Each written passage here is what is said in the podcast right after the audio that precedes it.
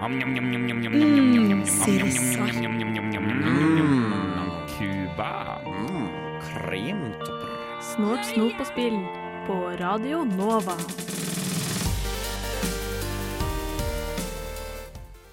God lørdagsmorgen. Klokka er 11, og det er på tide med Snål, snop og spill her på Radio Nova. Jeg og Sander vi inntar studio i dag, og hva er det vi har tenkt å prate om, Sander?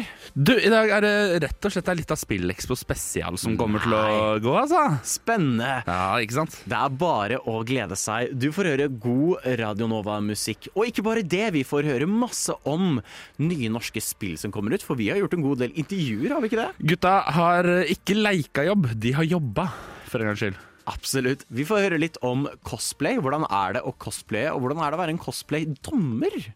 Og så apropos dommer, det er jo dommer i sport, Sander, og hva er det du har prøvd å få meg investert i? Jeg prøver jo stadig vekk å få deg investert i akkurat de samme tingene som jeg har investert i. Denne gangen er det e-sport, Ja. og vi skal høre litt hvordan det har gått også. Så spennende, jeg tror. Vi kan egentlig bare glede seg, men først så må vi ha litt uh, løye snop. Var godt, ass. Det er en smak som sitter litt. Jordbær smaker ikke godt. Jeg har vel smakt troikara, det blir fake. Det lukter litt baksverk. Det Det smaker jo kun det pulveret på toppen. Ok, Hvor krise lukter det? Dette ville jeg ikke engang servert til katta mi. Mye mildere enn jeg skulle trodd. Dritgodt. Bildekk med smak Ja. som ikke er asfalt. Gud, det var Jeg merker jeg ble mett. jeg. løye snop. Ja, Sander. Vi er jo heldige og kan sies nå også på spill at vi har mange friends of the show. Kan vi ikke det? Eh, om du kødder, denne, dette radioprogrammet har så mange høye beskyttere at eh, hjelpes. Jeg ønsker å eh, gi en shout-out til en av våre fans som har sendt oss Oi. en Spotify Wrapped. eh, og dette er 2% topp 2 Ja. Med 1942 minutter. Vet du hvor mye det er i timer? Uh, mye. Det er 32 timer med Snålså på spill! da. Har vi, har vi i det hele tatt laget 32 timer med Snålså på Er det jeg er litt forvirra over sjøl? Vi har bare holdt på i et år. Og vi er jo heldige å ha disse Friends of the Show, og mange av de donerer til oss godis. Mm. Dette er da Friend of the Show eh, Ludvig i Opplysningen her på Radio Nova, som har vært i Gøteborg og kommer tilbake og går. Stian, jeg har kjøpt litt snålt snop til dere. Eh, hva syns du om Fizzy Candy, Sander? Ok, fordi at dette er jo liksom den, Nå kommer den store revealen. Fizzy Candy er Det er mitt favorittgodteri. Sær? Det er mitt favorittgodteri. Serr? Det er eh, Hvis jeg først skal shotte, eh, så shotter jeg små sure med Fizzy Candy-smak. Wow! Bare fordi det smaker mitt favorittgodteri. Altså, jeg forguder Fizzy Candy. Altså, Hvordan har vi vært de som er lenge? rosa og blå, liksom. Ja, ja, ja. Mm, ah, fuck yeah. Hvordan har vi vært venner så lenge, og dette visste jeg ikke engang? Fordi at du aldri Fordi vi ikke har kalt dette programmet helt vanlig Snop og spill. Ja, for dette er jo da Fizzy Candy for de som er forvirra på navnet. Eh, noen steder blir det kalt bublis. Det er da disse brusflaskene som er rosa og blå. Riktig. Eh, jeg også digger de, syns det er kjempegodt. Eh, men vi har ikke fått donert disse. Nei, for, for da hadde jeg vært fornøyd, jeg. Da hadde jeg Eh, vært klart å dra hjem allerede. Spirit of Sweden. Dette er da uh, godteribrus med smak av fizzy candy. Og er det, en, er det en ting jeg føler vi har lært i løpet av Snortshow på spill så langt, så er det det at uh, det er ikke alt man kan lage snop av. Og det er ingenting man burde prøve å lage brus av. Nei, jeg har jo helt dette ut i glass. Og Og det også må jeg bare si, Stian. Jeg trodde vi var ferdig med å drikke spylevæske. Det er vi jo åpenbart ikke. du vet hvordan vannet ser ut i H2O når de er i den der havfruehulen? Ja. Ja, Det er nøyaktig den blå fargen som er i det vannet. Men samtidig så er det også akkurat Det er utvanna spylevæske. Og det er, det er faktisk samme fargen som disse Fizzy Candyene har på bånn. Det er det. Det lukter eh, en slags lukt jeg ikke helt klarer å sette fingeren min på. Det lukter ikke Fizzy Candy. Nei, men jeg tenker vi egentlig bare Ja, skåler, jeg. skål. Skål. Oi, det var mm. Nå vet ikke jeg om jeg er tett i nesa, eller noe, men jeg syns ikke dette var så mye smak. Ja, Jeg synes det, var, det, det var veldig sånn fizzy, hvis jeg kan si det. Det var både kullsyre, men jeg syns det er noe annet inni der òg. Ja, det, det bobler veldig. Det har en sånn liten En slags liten ettersmak av Fizzy Candy. Det her syns jeg ikke var så dumt. Jeg synes, eh, Hvis de skulle gjort Fizzy Candy til brus, Ja. føler jeg dette er nøyaktig hva jeg hadde sett for meg. ja, jeg ville kørt på med bitte lite grann mer eh, kunstig smaksmiddel nummer 132.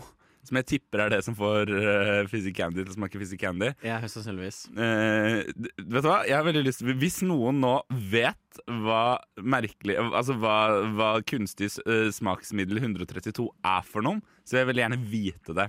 Du har dessverre bare E E133. Nei hva Hallo. Hallo. Hallo. Den er skummel nærme. Ja, det er veldig skummel Um, men jeg, jeg, jeg ville bare hatt bitte litt grann mer Fizzy Candy-smak. For foreløpig er det liksom Det er, det er søtt, boblete vann, Mm. egentlig. Som jo er en måte å beskrive brus på. Ja. Nei, men helt ærlig, jeg syns ikke dette var altfor ille. Uh, det er ikke det beste jeg har smakt, men det er ikke det verste jeg har smakt heller. Nei, på ingen måte. Eh, så jeg tenker at Hvis du der ute da er nysgjerrig på hva vi syns om dette, så skal vi jo selvfølgelig putte det på vår patenterte og vitenskapelige tierlist mot slutten av sendingen. Så bare å følge med. Du hører på Snort, snop og spill på Radio Nova. Hver lørdag og Annenhver lørdag. annenhver lørdag på Radio Nova.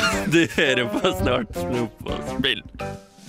Nå, Sander, to uker tilbake i helga, eh, der så gjorde vi noe gøy. Eh, nå må du Du, tenke du, vet den der, mat- du vet den der memen med hun som får sånn der, masse kalkulustegn rundt hodet? Ja, ja, ja. Det var meg nå. Ja, Legit. det så jeg. Ja. Eh, ja, for vi tok jo turen til eh, Norges Times Square, nemlig Lillestrøm. Eh, Norges New York, Stian. det er ikke bare Times Square, det er hele New York. Hele New York. Eh, Lillestrøm, der vi dro på Nova Spektrum. Dessverre ikke da tilknyttet Radio Nova. Ja, for jeg I syns det wish. Var litt vanskelig å finne fram til dette stedet. For er det Oslo Spektrum, eller er det Radio Nova? Det er de Ja. to eneste tingene som kan bruke de to orda. Jeg er enig, men vi fant fram, og vi var på Spillekspo. Meg for uh, mange gang, men deg har du vært på Spillekspo før, Sander? I have never been to any sort of gaming convention in my entire life. Så dette var din første spillkonvensjon? Oi, altså absolutt. Gøy! Hva, hva syntes du? Åh, det var jo himmelen, Stian. Det er jo, Jeg merker jo med en gang på en måte jeg er på sånne steder, at det er veldig mye av på en måte gamingkulturen og spillkulturen jeg er veldig into.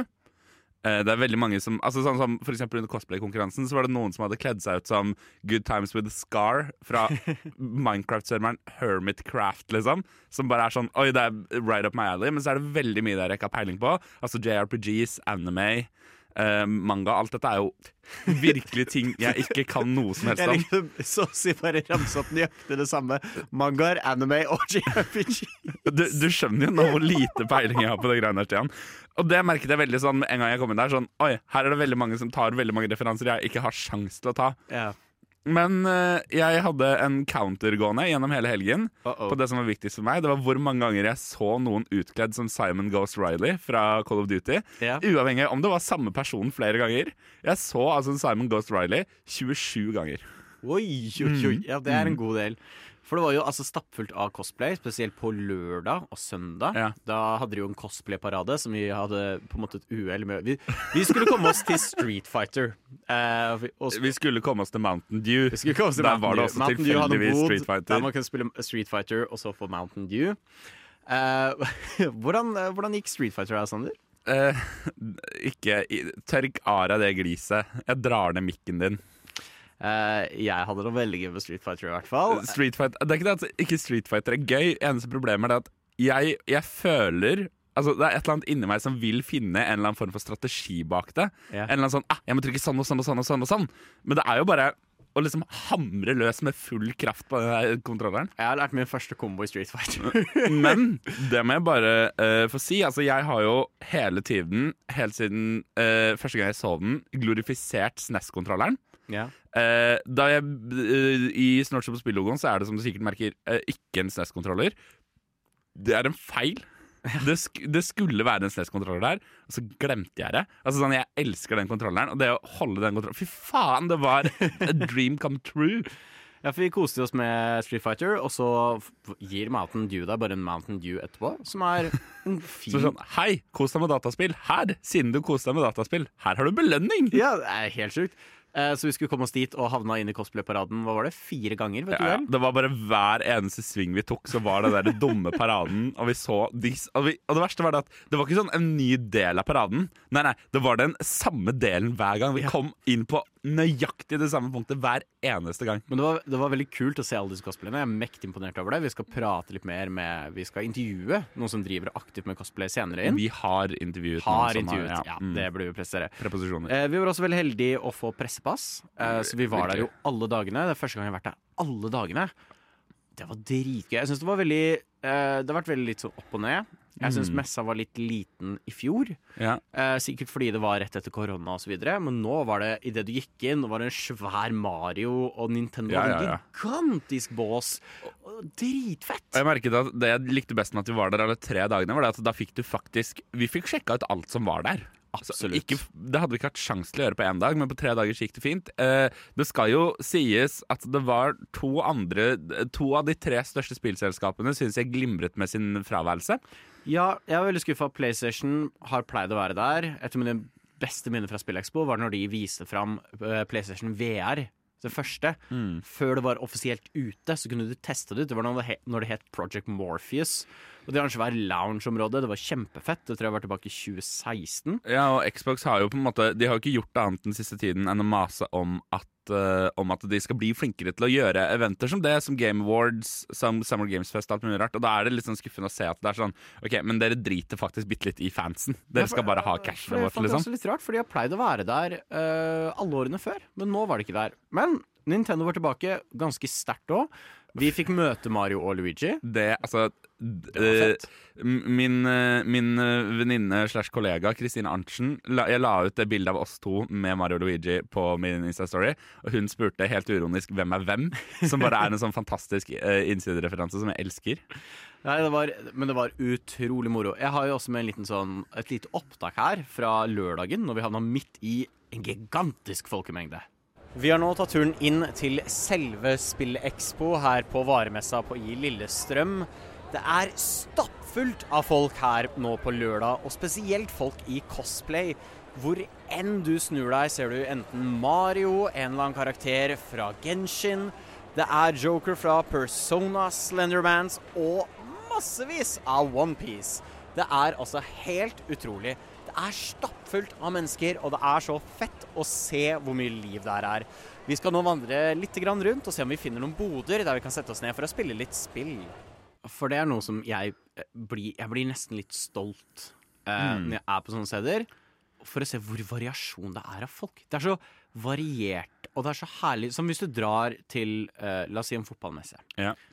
Så er det på en måte selektiv gruppe av folk. å mener du nå fotballkamp? Nei, jeg tenkte på hvis det fantes en fotballmesse. eh, Hvor synes, Ronaldo har egen stand og sånn? ja. men her ser du, fordi spill er tilgjengelig for alle. Ja, ja, ja. Og du ser liksom folk av alle mulige former. Vi snakker folk er i rullestol, noen mangler kanskje en arm. Det er barn, det er sånn som oss, unge voksne. Eh, og det er voksne folk. Det er folk som er pensjonister. Det er virkelig alle sammen. Og det, det er så herlig å se alle på en måte forent på ett sted. Bare under et banner av kjærlighet for spill. Ja, altså er det Noe jeg også syns var helt fantastisk, var jo alle mulighetene man hadde til å handle ting der. Det ble jeg altså helt satt ut av. Og du er jo en enabler uten like når det kommer til det å bruke penger på ting, Stian. Så um, nei, det var gøy. Men jeg, på søndagen der, Stian, yeah. så startet jo jeg et eget prosjekt. Ja. Eh, og det syns jeg nesten vi skal ha som en slags føljetong gjennom dagens sending. Ja, det Høre jeg. hvordan dette prosjektet går. ja. Er du klar for første smakebit? Jeg vet ikke helt, jeg, kanskje. Sander prøver å få Stian investert i e-sport. Ja, uh, Sander, kan ikke du fortelle meg hvor vi er på vei nå? Nå skal vi bort og få med oss eh, avslutningen i jeg tror det er Good Game-ligaen, som spilles uh, i CS2. Som spilles her på SpillExpo nå. Og det tenker jeg jo at det er jo perfekt for oss to. Kan ikke du fortelle meg litt, for jeg er nysgjerrig. Uh, for jeg er ikke helt overbevist om CS GO slash CS2. Jeg sliter litt med å se på det. Så nå skal du prøve å overbevise meg, skal du ikke det?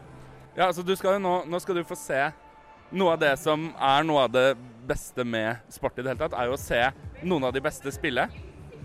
Og det er jævlig gøy å se, se nå hvor tight de spiller, så det blir jævlig gøy. Ja, nei, men eh, jeg er enig. Jeg er kjempespent. Eh, vi nærmer oss arena nå. Jeg hører de driver og prater og kicker off nå. Så kanskje jeg blir overbevist om å begynne å se på CS e-sport. Eh, kanskje jeg, jeg, Mitt mål er at du skal bli overbevist om å begynne å bette på CS e-sport, for det driver jeg med. Det er jo en fornuftig bruk av penger. Gambling meg er en farlig kombo.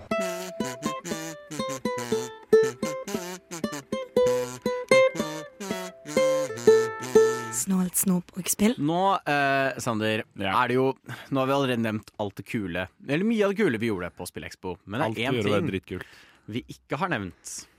Og det er at vi fløy også rundt og fikk testa så mange nye norske spill. Ja, altså, det var åtte-ni norske spillutviklere der, tror jeg. Vi testa samtlige av de spillene, og noe vi også gjorde, det var jo å, å prate med samtlige utviklere i disse forskjellige bodene. Jepp. Jeg har jo, altså Jeg føler det var det jeg maste mest på dere om med Spillekspo. Hver gang jeg prater om det, så det er så fett, for det er så mange folk som stiller ut spilla de driver og lager.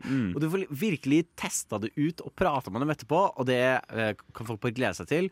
Og vi dro da og spilte eh, Setback Ja. fra Riddlebit, eh, som er et spill jeg har fulgt lenge, både på SpillExpo, men òg via Discord, og vært med på playtest og sånt med det. Jeg synes det er et kjempefett spill, eh, hvor konseptet er istedenfor å dø, blir du spolt tilbake i tid. Ja, det er, det er en mekanikk som bare For det er jo i prinsippet en eh, basic multiplayer FPS, altså les uh, Det er veldig som Halo. ja, Gamle sant? Halo.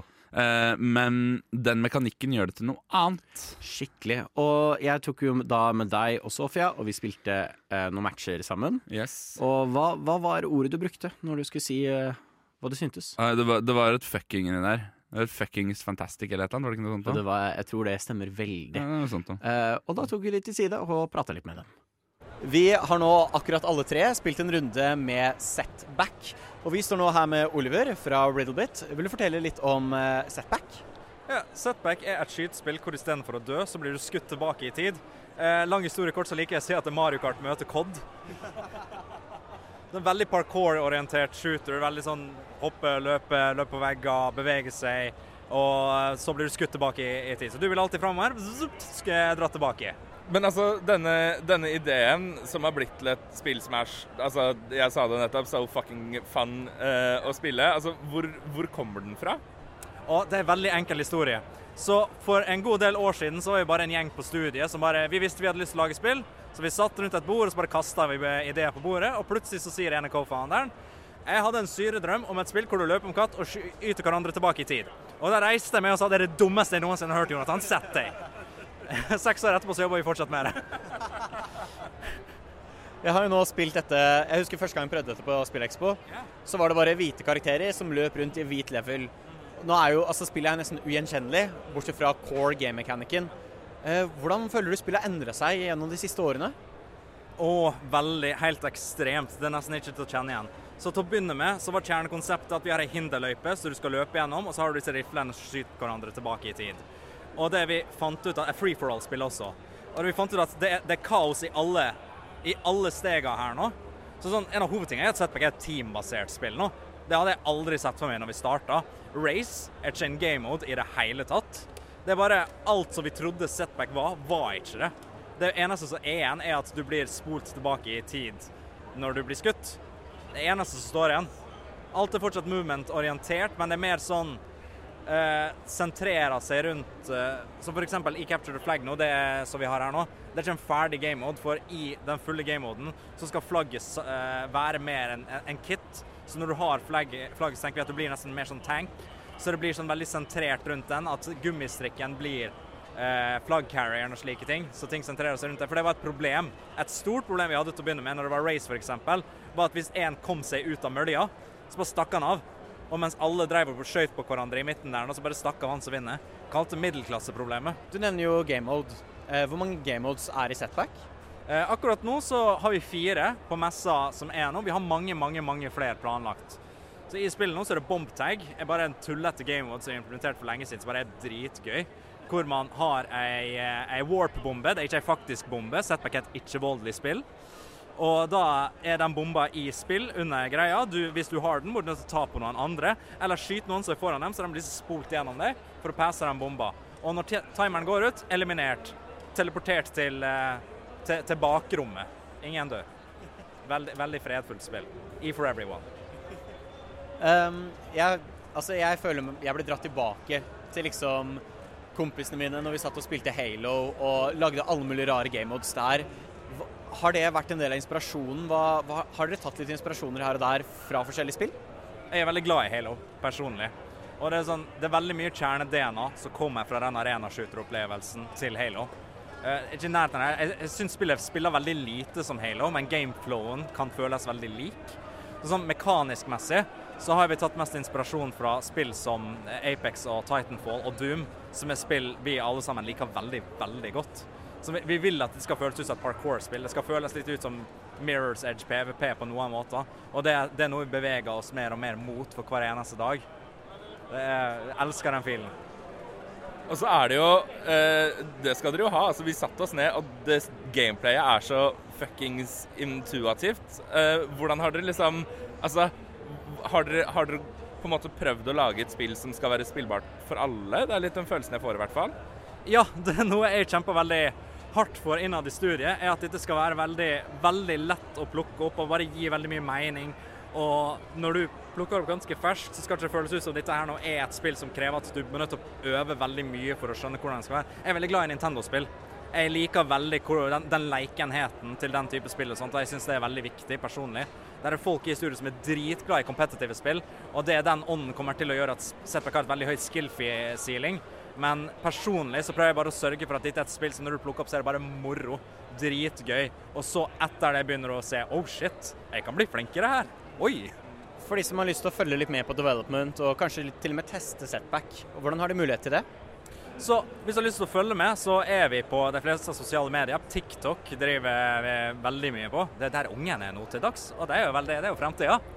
Så eh, vi har en Discord-server også for playtestere. Den informasjonen finner du hvor som helst på Steam-sida vår, på, på TikTok-en vår, whatever. Og det beste du, hvis du har lyst til å prøve spillet, hvis du er på den discorden, så poster vi alltid om playtest og slike ting. Det gjør vi annenhver uke. Da åpner vi opp i noen timer på fredagskvelden og sier prøv det siste vi har. Det siste vi har, faktisk. Da har vi sittet og jobba på det som er i spillet dagen før. Bare hever inn. Og hvis det ødelegger alt, så får det ødelegge alt. Det er ikke så farlig. Det er en ny playtest om to uker. Så gøy. Har dere noe release date eh, mot framtida? Vi drømmer om 2024. Vi eh, overlever om det ikke blir det. Det er vel det vi sier. Kanskje neste år, kanskje ikke. Hvilke konsoller slash eh, plattformer kan man forvente det på? Uh, vi er usikre. Vi har lyst til å være på alt. Vi har veldig lyst til å være på alt. Uh, vi, vi tror det skal gå, men det sånn, vi har ikke begynt å se engang på PlayStation og Xbox. Vi har ikke dev-kit til det. Jeg tror ikke vi kommer til å være på Switch. Usikker. Det er bare det er litt vanskeligere. Vi skal nå prøve, men vi får nå bare se. Så eh, det, det er noe vi må få dev-kidsa til å bare se mulighetene der nå. Til å begynne med, vi er på PC allerede. Det er veldig lett. Det bare funker automatisk på PC. For det vi utvikler på. Resten så må vi bare se. Vi, vi vil gjerne være på alle konsoller. Vi syns det er viktig. Crossplay, alle slike ting. At alle skal kunne spille, og alle skal kunne spille i lag. Dere sier jo, altså Du forteller da at dere eh, gir muligheten til å playteste liksom, det sekundet dere er ferdig med noe nytt. Hvordan er den opplevelsen når folk liksom får noe dere nettopp har blitt ferdig med? Eh, kanskje til å begynne med var det nervepirrende. Men når er sånn- folk er veldig forståelige når noe er litt sånn broken. Som wallrunninga som vi har nå. den- Den, etter det var jobba med ei uke, så putta vi det i playtest, og det, det var ikke sånn som det er nå i det hele tatt. Det var basically bare at så fort du er nært veggen, så går du i flying state, og så fort du går vekk fra veggen, så er ikke du i flying state lenger. Det var superjank, men vi bare sånn Det var litt gøy det her, da. Skal ikke vi ha putter inn? Og så raffinerte vi seinere, og det bare går fint, og folk bare spiller jeg bare Wow, det her er broken! Gøy! Tusen hjertelig takk. Nå gleder jeg meg veldig til å se Setback eh, når det kommer ut, og til å spille videre på playtester. Å, så flott. Det varma. Så uansett, poenget mitt her er at du må spille Prey. Du vet, Prey Jeg om du har hørt 2017. om, Eh, kanskje verdens Spill beste Prey! spill. Nesten verdens beste spill i hvert fall. Spill! Prey! Spill Prey, folkens! Spill Prey. Eh, Prey er et fenomenalt bra spill. Prey er the shit. Det er, det, det er få Eh, spill så- som så min sterke anbefaling er å spille Prey. I mean, ingen av de slår Eh, Prey. jeg vet ikke om- jeg har ikke nevnt det så ofte, men Prey er et jævlig godt spill. Spill Prey. Hva er galt med deg? Hvorfor har du ikke spilt Prey? Snart show på spill. Vi snakker også om andre spill enn Prey. Spill Prey! Jeg er så sliten. Navnet mitt om jeg hadde vært blond og en cowboy, nemlig Blond Revolver med no hat, big hat, no cattle. Det hadde også vært deg hvis du var cowboy. Ja. Du hadde hatt stor hatt. Du hadde ikke hatt en cow No og boye. Men noe vi har hatt, er mange intervjuer.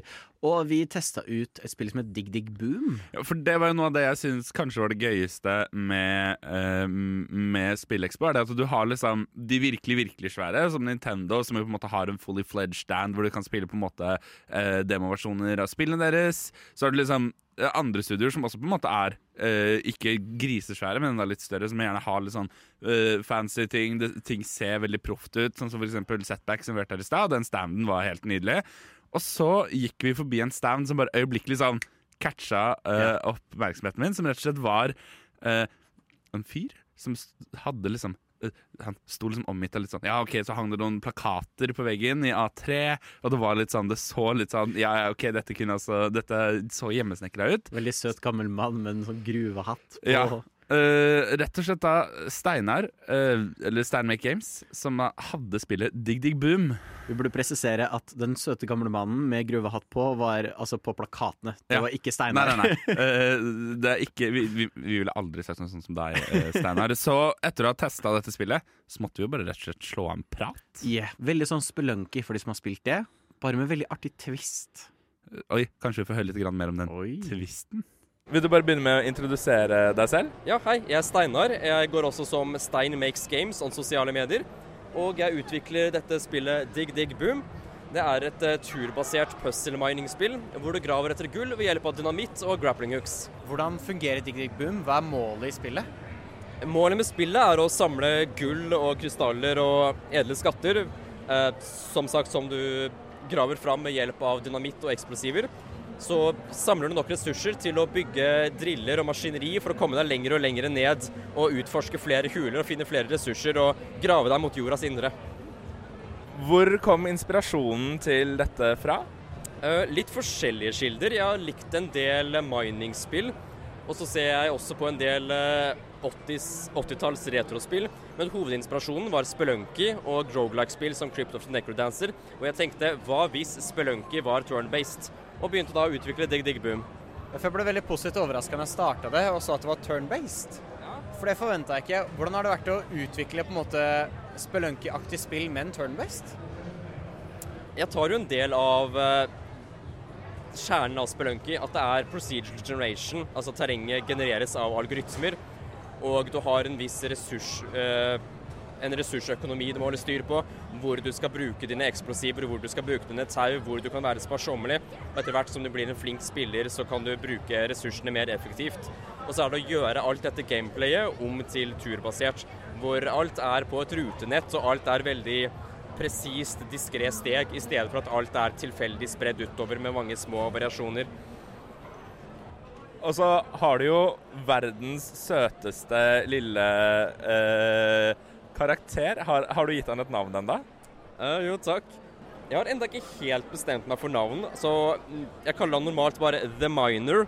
Men jeg tror den kommentaren jeg så på nettet som jeg liker best hittil av forslag til navn, er Pablo Picaxo. Og så uh, står du jo her omgitt av eh, startbannere. Kan du fortelle litt om det også? Eh, ja, nemlig. Fordi eh, etter jeg hadde utviklet dette spillet et års tid, så deltok jeg på noe som heter Start NGA Norwegian Game Awards, som er Norges største spillutviklingskonkurranse for studenter. Så da studenter over hele Norge kom og bidro med spillet sitt, deriblant meg med Dig Dig Boom. Og der vant jeg eh, Game of the Year, som gjorde at jeg fikk sponset gratis stand til å vise fram Dig Dig Boom her i dag på Spillekspo. Kan du si noe om eh, For alle de som hører på og kjenner at de får en sånn intens lyst til å teste ut dette spillet, kan du si noe om hvilke muligheter de kommer til å ha til det i fremtiden? Ja, vi har jo denne demoen her på Spillekspo. Akkurat nå så er det ikke en offentlig demo. Jeg vurderer å fikse en til eh, enten sent dette året eller tidlig neste år, men det er litt ekstra arbeid å legge inn i det. Ellers så forventer jeg at spillet skal være klar til salg ute på Steam i CN 2024. Så hvis man har lyst til å få med seg når det er demo, så anbefaler jeg Wishlist-spillet på Steam, og følg meg på diverse sosiale mediekanaler. Du kan også finne mer info om spillet og meg dersom du googler Dig Dig Boom eller Stein Makes Games eller digdigboom.com. Så er jeg også Stein Makes Games på Twitter, TikTok og YouTube. Jeg vet ikke med deg, Sander, men uh, jeg gleder meg veldig til sent 2024. Altså, jeg har wishlista dette spillet på Steam. Ja, ja, ja. Uh, 100 Kan man gå tom for plasser på wishlisten? For jeg er alvorlig bekymret etter vi var på SpillExpo. Uh, ja, altså min er, min, min er så stappfull nå at jeg får ikke med meg releases. Men, men vi har jo ikke bare, vi har jo ikke bare prata med spillskapere, Stian. Nei. Eh, det, er på tide, det er på tide med en ny del av min nye favorittserie i hele verden. Sander prøver å få Stian investert i e-sport. Altså, Stian, er du nå på vei inn for å bette på dette? Nei. Vet du hva? Faen, det gjør vi. Uh, skal vi se Sette over Ja Hvor mye skal vi bette? 100 spenn? Skal vi bette 100 spenn på hvert vårt lag? Fritt for Apex. Nei, faen. Det som nå er litt gøy, er jo det at eh, jeg har fått i oppdrag å introdusere deg for CS. Hva har jeg egentlig gjort? Introdusert deg for gambling. Og nå har du, nå har du neck in this game. Jeg elsker CSGO. jeg mener CS2. Sånn. Da, da, har vi, da, har vi, okay, da har vi 100 kroner i gamet begge to. Hell yeah, hell yeah. Let's fucking go. Troika. Snort, snop og spill. Så-så. På Radio Nova. Uh, yes, du har også nå fått hørt et par installments av Stian uh, prøver å bli investert i e-sport. Sander prøver å få Stian investert i e-sport. Og med min egen personlige økonomi uh, on the line, så er jeg særdeles spent på hvordan dette kommer til å gå. Ja, for, for, du- for du vet ikke hvordan dette går, eh? Nei, jeg har ingen anelse. Eh, vi, når jeg har en anelse på, er at Up to No Goob kommer til å bli bangerspill. Ja, altså, vi gikk rundt på uh, messa der. Dette, dette var på starten av lørdagen, liksom, så vi hadde ikke fått vært der så mye. Og så ser jeg bare en stand som er dekket av Altså hvor veggene er dekket av papir med tegninger på. Og så ser jeg altså bare en skjerm som har den søteste liksom, gamearten jeg har sett i hele mitt liv. Det er så søtt. Og jeg sier Jeg slår deg Jeg slo deg i armen, boksa deg i armen, og sa dette skal vi spille. Jeg har fortsatt blåmerke. Ja. altså, uh, vi må jo beskrive Up to No Goob, uh, for vi endte med å spille dette hele veien gjennom. Ja. Hvor du spiller som en liten sånn slags goblin, Uh, og du, du har en hule, og så skal du komme deg til en gård og stikke av med en kylling. Mm. Eh, så du stikker til hønseområdet, tar kyllingen og stikker til hula di. Ja. Og så husker jeg gjøre det første gang, så sånn OK, jeg ser ikke helt utfordringen med dette. Og så er det da dagen etterpå, hvor bonden har satt opp eh, og står der og begynner å skyte pil og bue mot deg. Mm. Nå, nå må du dodge pilene, få tak i kyllingen og komme deg tilbake igjen. Og så begynner de å introdusere katapulter. Flere pil og buer. Eksplosjoner. Altså, det blir et sånn fantastisk shitshow med bare en haug av prosjektiler og ting som blir pælma mot deg, og du må sitte og dodge dette mens du driver og drar på en kylling i et Altså- lite tau. For et spill! Det var så gøy! Den enkleste måten å forklare uh, Up to no goob, eller herre, og herregub, som det heter på norsk, som jeg syns er helt fantastisk, det er Se for deg en omvendt tower defense. Ja. Du skal ikke Oh, plassere ja. ut towerne, du skal stikke av fra det. Og tror du at dette var en beskrivelse jeg kom på selv?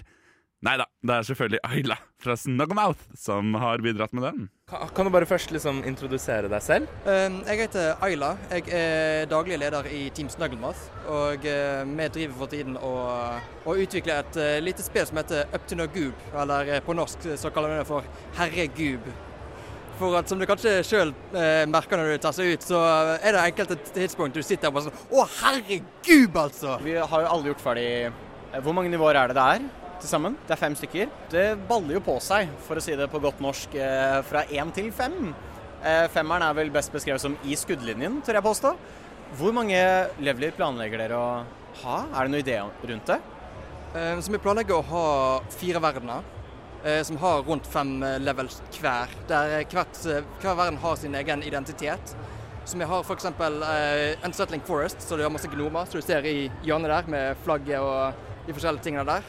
Eh, så har vi òg en eh, Wild West-verden, der du eh, liksom en mer western-stil, der du skal gå forbi cowboyer som står der og er klar til å skyte deg. Så du har en borte på veggen der òg har en liten cowboy som driver og skyter. Og så prøver vi å ha litt gøy med det, og holde oss enkelt på artstyle, holde oss enkelt på gameplayet.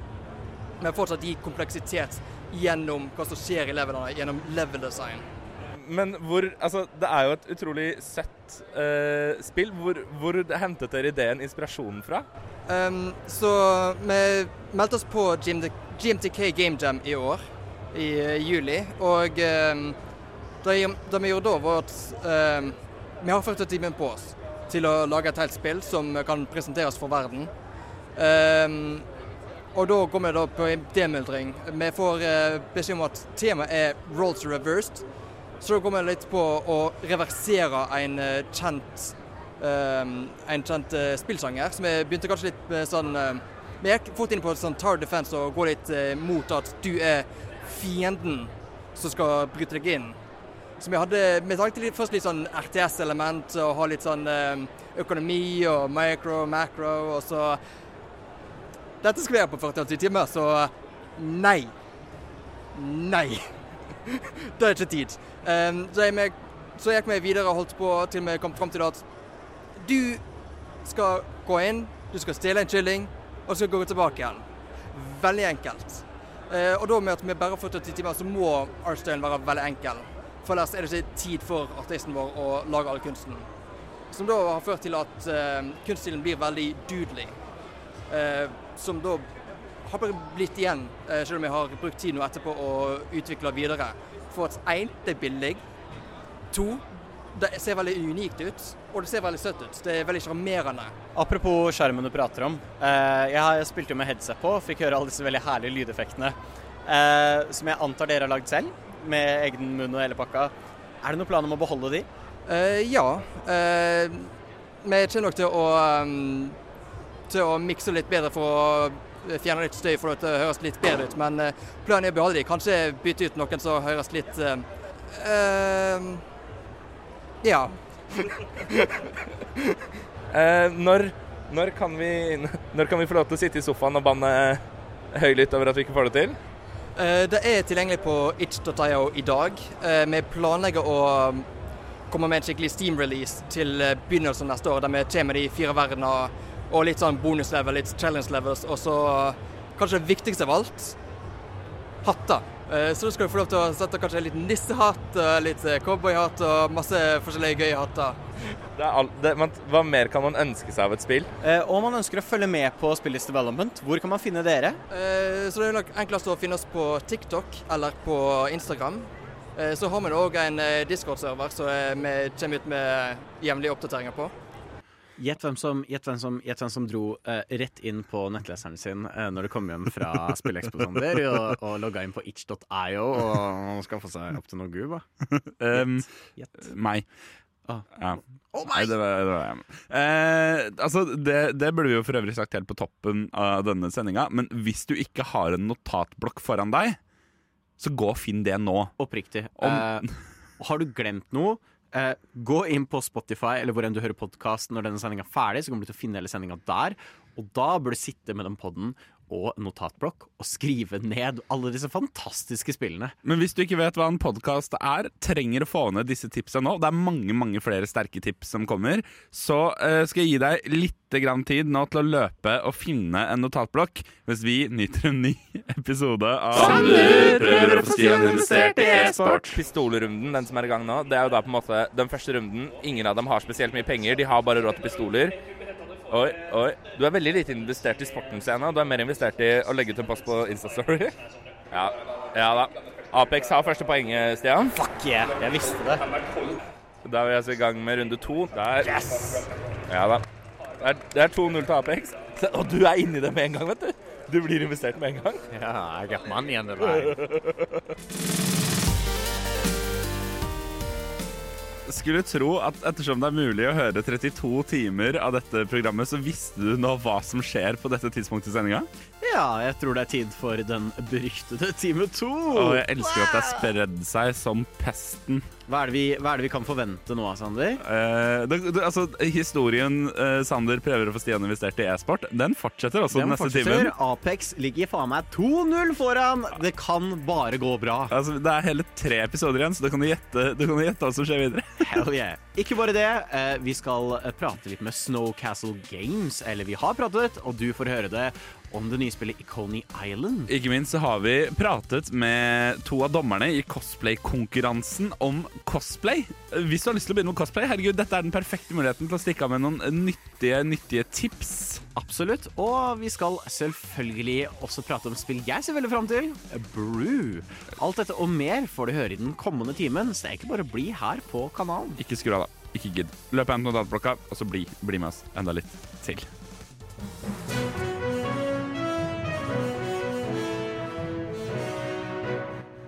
Er liksom det litt det samme som å spise liksom svinekjøtt med pølse? Snort, snop og spill.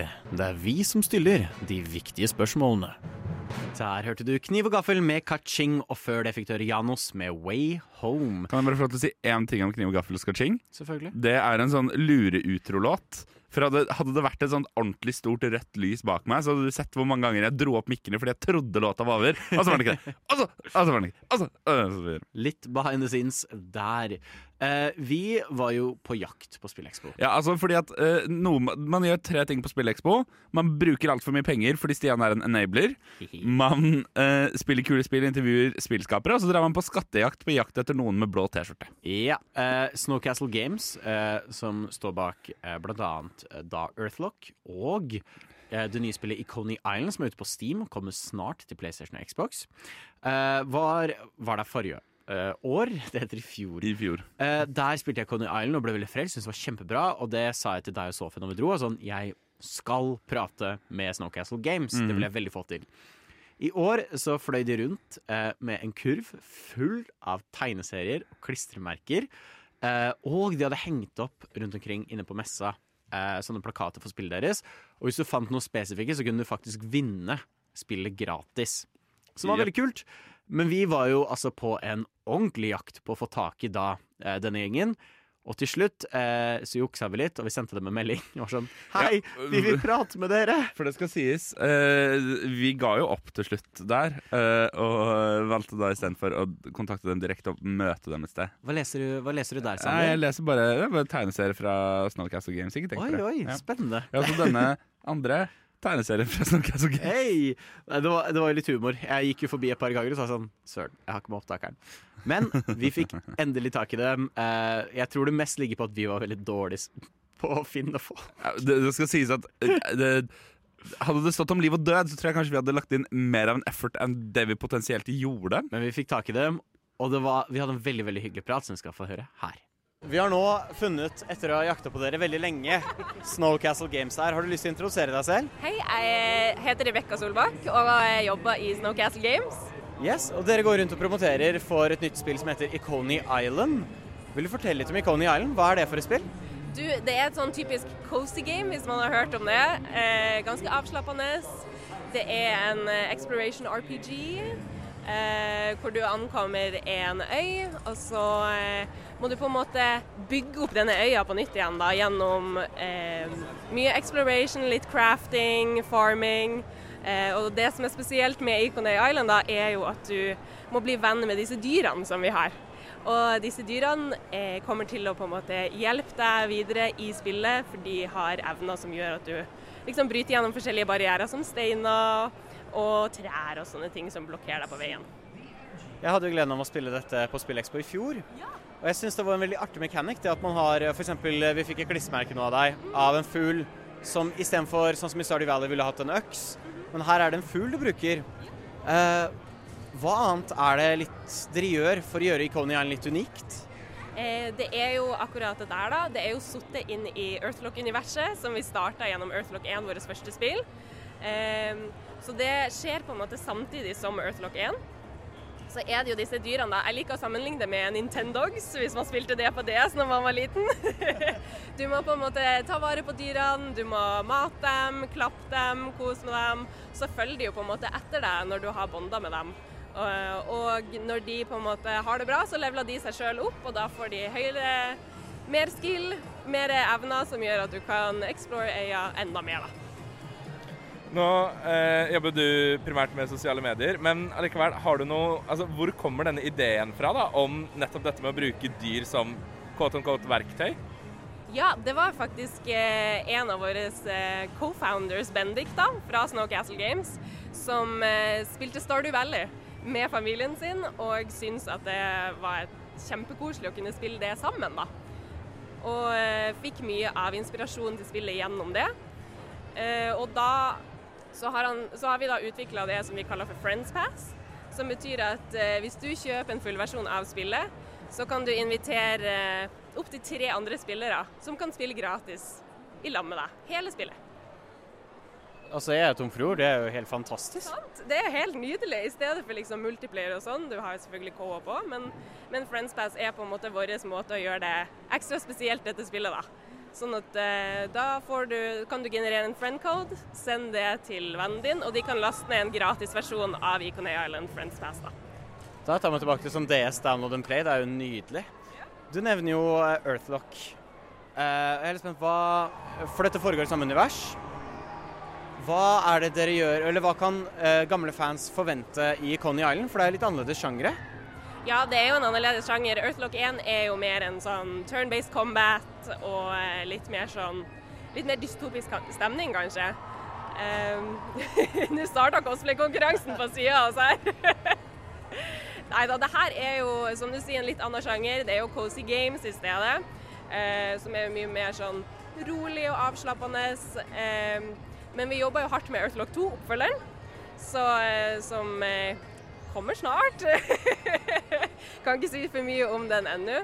Men for gamle fans så vil de kanskje kjenne igjen eh, ja, en del sånn artstyle. Det er sittet i samme univers, men det er, det er helt nye karakterer. Det er nye Ja, de dyrekarakterene er helt nye og sånn, så det er liksom ikke Du har ikke så mye fra Earthlock 1 som er over i Iconay Island, men de er sittet i samme univers, og eh, de skjer på samme tid i timeline, da. Og så forventer man det kanskje når man gjør noe sånt å eh, trekke til seg litt en ny målgruppe. Hvem, altså, hva er målgruppa for dette spillet? Hvem er liksom de ideelle spillerne?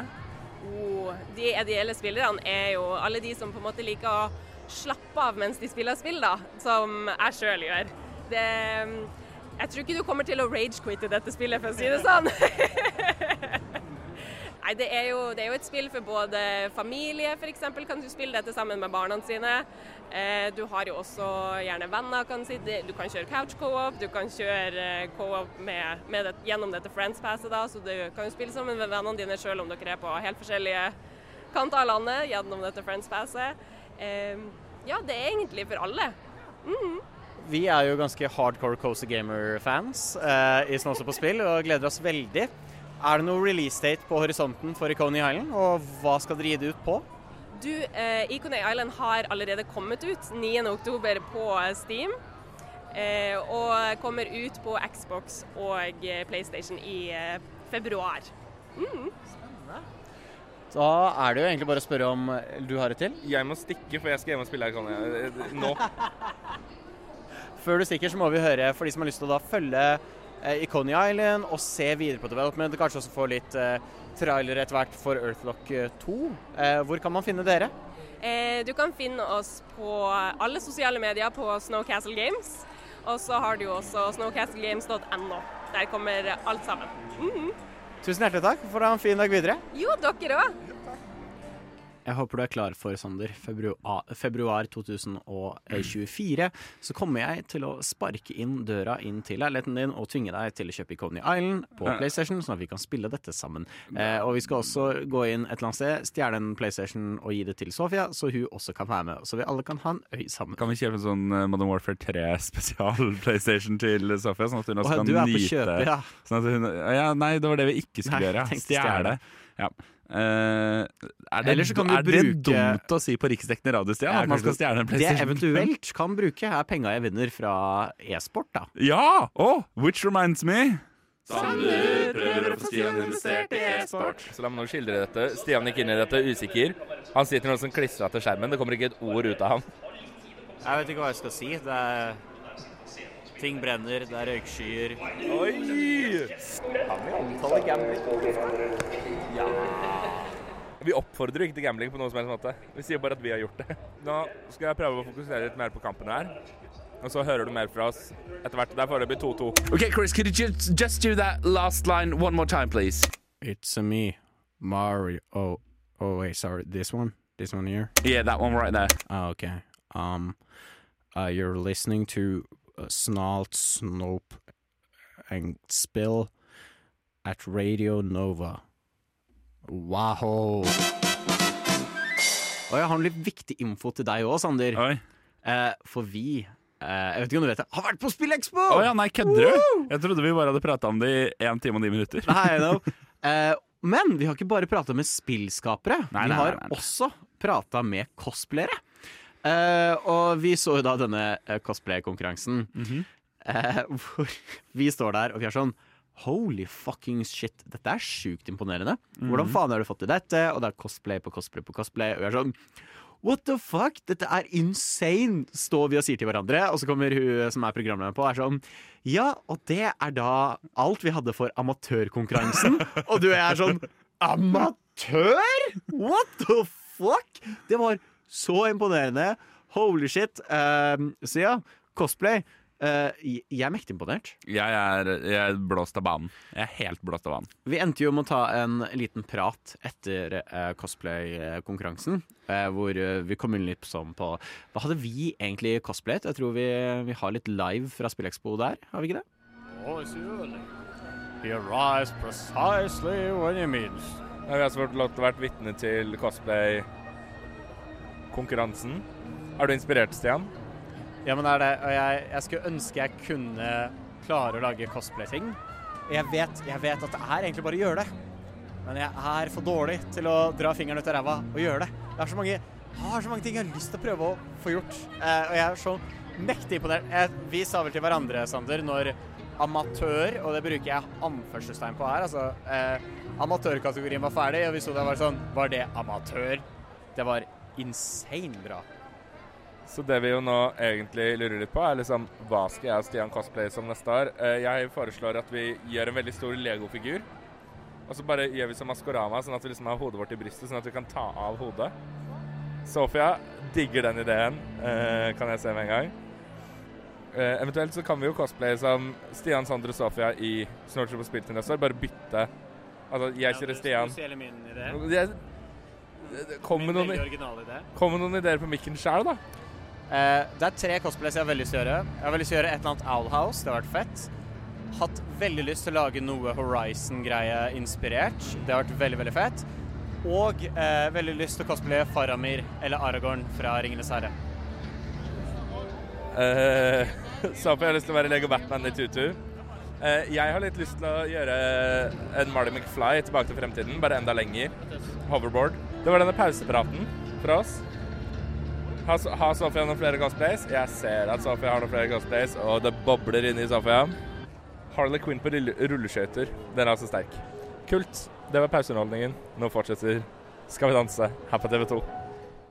Så det er jo egentlig bare å se frem til Spillekspo neste år, hvor, vi, hvor du kommer som Lego-figur, Sofia er Harley Quinn på rulleskøyter, og jeg er en av mine tre. Jeg vil også bare skyte inn Det slo meg nå ut av kontekst at det høres rart ut at jeg prater for Sofia. Dette var da etter at Sofia hadde mistet stemmen, så hun skriver ting.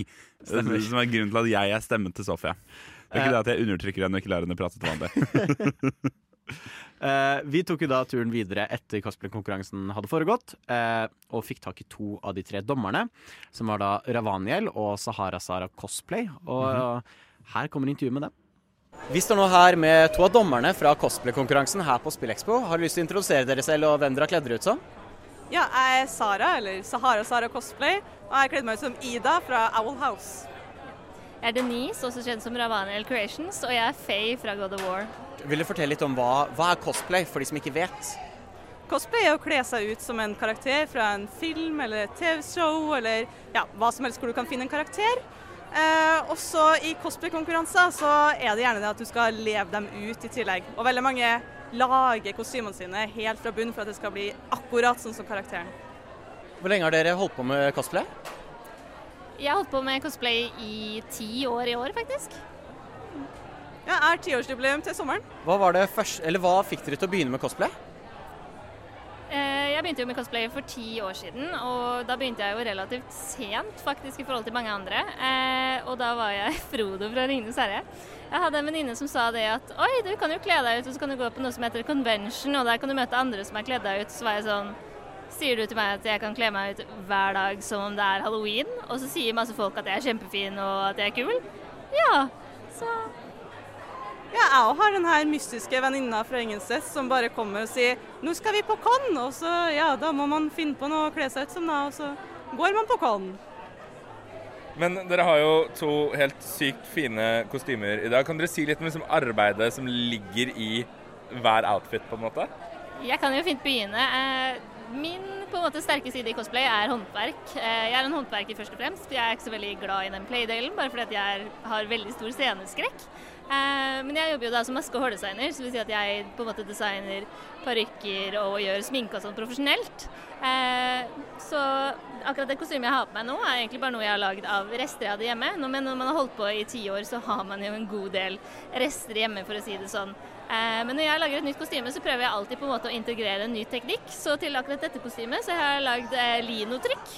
Det er noen som har kutta sånne plater noen gang på skolen. Det har jeg prøvd meg på for dette kostymet. Ja, eh, jeg måtte lage noe litt kjapt før jeg skulle til Korea. Eh, Så jeg tok rett og slett og drepte en parykk, eh, og så kamma den til at den ble OK pen igjen. Og så drepte jeg den på nytt, og så kamma den på nytt. Det tok veldig lang tid. Og så kjøpte jeg rett og slett bare litt stoff, og så sydde jeg meg en liten bodysuit. Og det var Det, det tok kanskje en uke. Jeg hadde veldig lite tid. Jeg er mektig imponert, i hvert fall.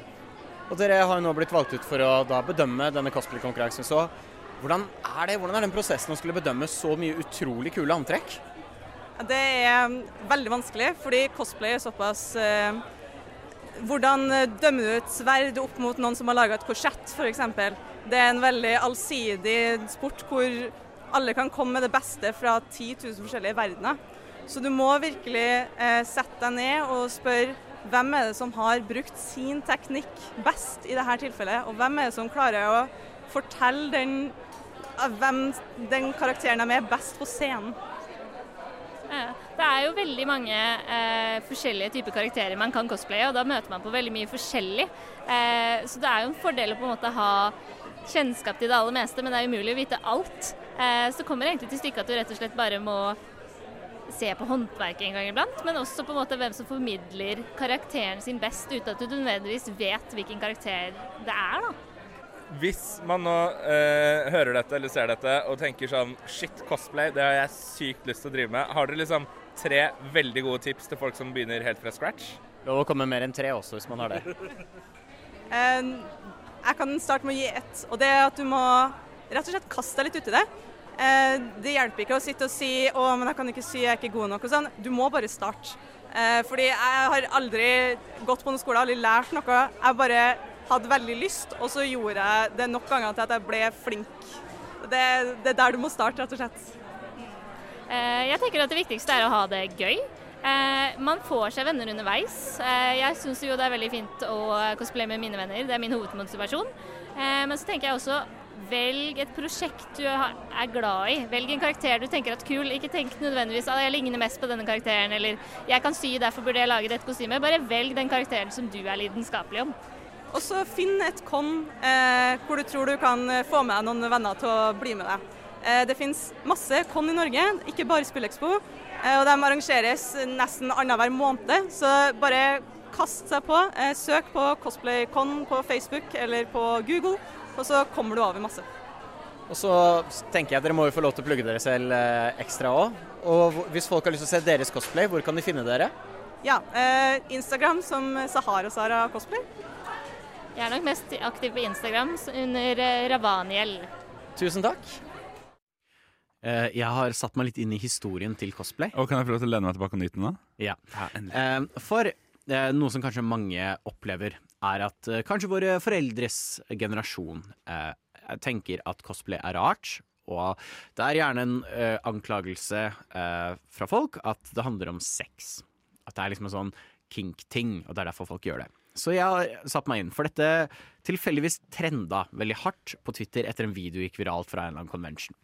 Så for å eh, combatte dette har jeg satt meg inn i cosplayens historie for å vise at det er ikke det det handler om. Det handler om nøyaktig hva eh, dommerne her eh, forteller om. Nemlig det å kunne kle seg ut og liksom, ja, eh, bringe kjærligheten for en karakter fram. Da ønsker vi Stian Henriksen velkommen opp på podiet. Vennligst eh, gå gjennom din disputas for din doktorgradsavhandling om cosplayens historie. Når tror du eh, første instance av cosplay fant sted, Sander? Eh, jeg har jo juksa litt, uh, fordi du sa til meg i går at det er mye før man egentlig skulle tro. Eh, så jeg tipper det var eh, Første instance av cosplay er når Thor kler seg ut som Nei, når Loke kler seg Nei, når Thor kler seg ut som Nei, det, det er ikke det, det, det. 1862. Du er ikke langt unna. Det første er under maskeradeball. Dette var under Vril Ja Bazar eh, i 1891. Jesus. Da ble det veldig populært, og man ble da oppfordret til å kle seg ut som karakterer fra en sci-fi-novelle. Og dette fortsatte. Hadde de sci-fi? Ja, det hadde de. Ja. Eh, og dette fortsatte gjennom 1800-tallet og starten av 1900-tallet. Eh, er vel riktig å si, jeg må bare tenke som 21st century, bla, bla, bla. Mm. Eh, så var det veldig vanlig på maskeradeball at folk begynte å kle seg ut som sci-fi-karakterer. En, av de en av de første populære karakterene, kanskje datidens eh, Joker fra Batman-cosplay, var Mr. Skygack from Mars, eh, som var en tegneseriekarakter. Som eh, da også er omtalt i en avis for å ha vunnet en slik konkurranse. Eh, I 1939 var den første sci-fi-conventionen, eh, hvor det var da et par 1930 Før krigen? Yes. Og der var det et par som gikk kledd som eh, i et par-cosplay, der de stakk av med en pris. Og så, i 1984, var det da den japanske filmregissøren eh, Nobuyuki Takahashi som coina begrepet cosplay. Som da sto for costume play. Uh, så der har du det. Siden 1891 har cosplay vært en ting, og det er så fett å se hvor mye det har grodd og vokst til hva det er i dag. Hvem skulle tro at cosplay var eldre enn nasjonen Norge som selvstendig stat? Er ikke det det sjukeste du har hørt i dag? Kanskje kong Haakon den 7. gikk i cosplay. Hva heter den rosa spillfiguren som kan suge til seg ulike objekter, og som befinner seg i Nintendo-universet? Hva faen kan det være? Nei, å, jeg har det på tungen. Jeg har det på tungen. Jeg lover. Nintendo. Eh, Suge? Er det lov i Nintendo? Ja, jeg vet ikke. Faen, Åh, ingen idé. Vi kommer Har, til å har, har ikke du sånn Switch? Sånn, Eh, sånn, sånn. Nintendo Wii U? Jo, Hva- men det er sånn sport, sånn bowling. Dere, dere jeg, jeg lurer på om det kan være Kirby. Kirby? Hvordan vet du det? Jo, fordi at jeg hører på Snort, snop og spill alle oddetallslørdager fra 11 til 1 på Radio Nova. På Radio Nova? På Radio Nova. Å ja. Ah. Hva får du, Sander, hvis du blander katter og politiske ideologier? Ja, jeg vet jo svaret på den gåten her, eh, men eh, og jeg håper det er med i klippet også, hvor, sammen, altså hvor, hvor mye jeg knekker når jeg hører at dette er plate i spillet Rushhaug. Vi står her nå med Tobias Edvardsen, eh, skaperen bak Rushhaug. Kan ikke du fortelle oss litt om eh, spillet? Eh, jo, eh, spillet går ut på katter med politiske ideologier, atomvåpen og et romprogram. Det er den beste pitchen for et spill jeg har hørt i hele mitt liv. Hvor, hvor har du tatt dette fra? Det er vanskelig å si. Det har vel bare kommet inn i det gale hodet i løpet av Hvem veit? Alltid vært glad i katter. eh, Fascinert av historie. Så hvorfor ikke kombinere kalde krigen med katter? Og ja, legge litt spice på toppen der. Ta det derfra. En god kombo, må jeg si. Hvordan er det spillet fungerer? Eh, fordi vi spiller som katter med ideologier, men eh, vil du forklare litt om gameplayet? Eh, gameplay er altså det er en 2D sidescroller. Eh, platformer type Metroidvania hvor du kan liksom gå litt fritt rundt, da, bare i eh, 2D-omgivelser. Så du har eh, så og så mange mål for hvert mission som du skal utføre. Og eh, du kan liksom gjøre det til din egen pace, din egen rekkefølge. Bare alle disse måla er utført. og da eh, progresserer du videre i spillet. Da. Åpne nye våpen, du collecter eh, items. Kan eh, åpne nye våpen som du kan da customize og velge for neste mission osv. Og så, spillet er veldig stealth-basert. Eller du blir belønna for stealth, men du kan gå guns blazing. da. Du kan eh, drite i lyddemper, bare ja, være vulgar, men da får du da også mindre eh, score i løpet av oppdraget. Da, så du får mindre sjanse for å få en eh, five star rating, for du får da så og så mange stjerner rata for hvert mission. Ut fra hvor bra du gjør det, hvor kjapp du er og hvor effektiv du er. Hvordan er det å designe 2D stealth-spill? Eh, det har jo så, noen utfordringer. Jeg vil si for eh, spesielt stealth-spill så er AI noe som er litt knotete, for du må liksom få fiendene til å Du vil jo helst ha fiender til å respondere på lyder, eh, visuelle inntrykk, hvis en på en måte ser kanskje hodet på spilleren titte frem, eller sånne type eh, mekanismer. da. Uh, så det har vært veldig mye uh, trial and error. Det sånn. Mye Se hva som funker, hva som ikke funker. Mye bugfixing, mye Ja. Det er liksom mye å ta hensyn Og jeg er jo en uh, enmannsoperasjon, så jeg har gjort alt selv. Eh, og så har det vært mye læring underveis. Nye på en måte programmeringsprinsipper. Mye, mye å lære der, da. Eh, Jeg kommer fra mer kunstnerbakgrunn, så det å programmere det er noe jeg kan, men det er ikke min eh, strongest Det er ikke sterkeste kortet jeg har i armen, da. Så det går liksom ja. Men hvor lang tid har det tatt? deg? Altså, du har gjort dette helt alene. Hvor, hvor lang tid har du sittet foran skjermen og prøvd å få dette til å funke? Eh, Altfor lenge. Elleve år. så jeg er, litt, eh, jeg er litt lei. Litt drittlei, egentlig. Men det er et passion-prosjekt, så det er ut av lidenskap jeg lager det. Men eh, selv største passion-prosjektet kan du begynne å hate etter en viss, etter til en viss lengde. Så det går i bølgedaler. da. Så jeg blir utbrent, og så kanskje jeg tar en liten eh, pause fra det, og så kommer jeg tilbake på det, og så Ja. Det er viktig å, er viktig å ha noe annet å gjøre ved siden av. Sånn eh, bytte på. Det står jo PS5, Switch og Steam på bannerne bak her. Eh, har du noe release-date klar? Nei, det er eh, neste år, 2024. Ubestemt dato, bare.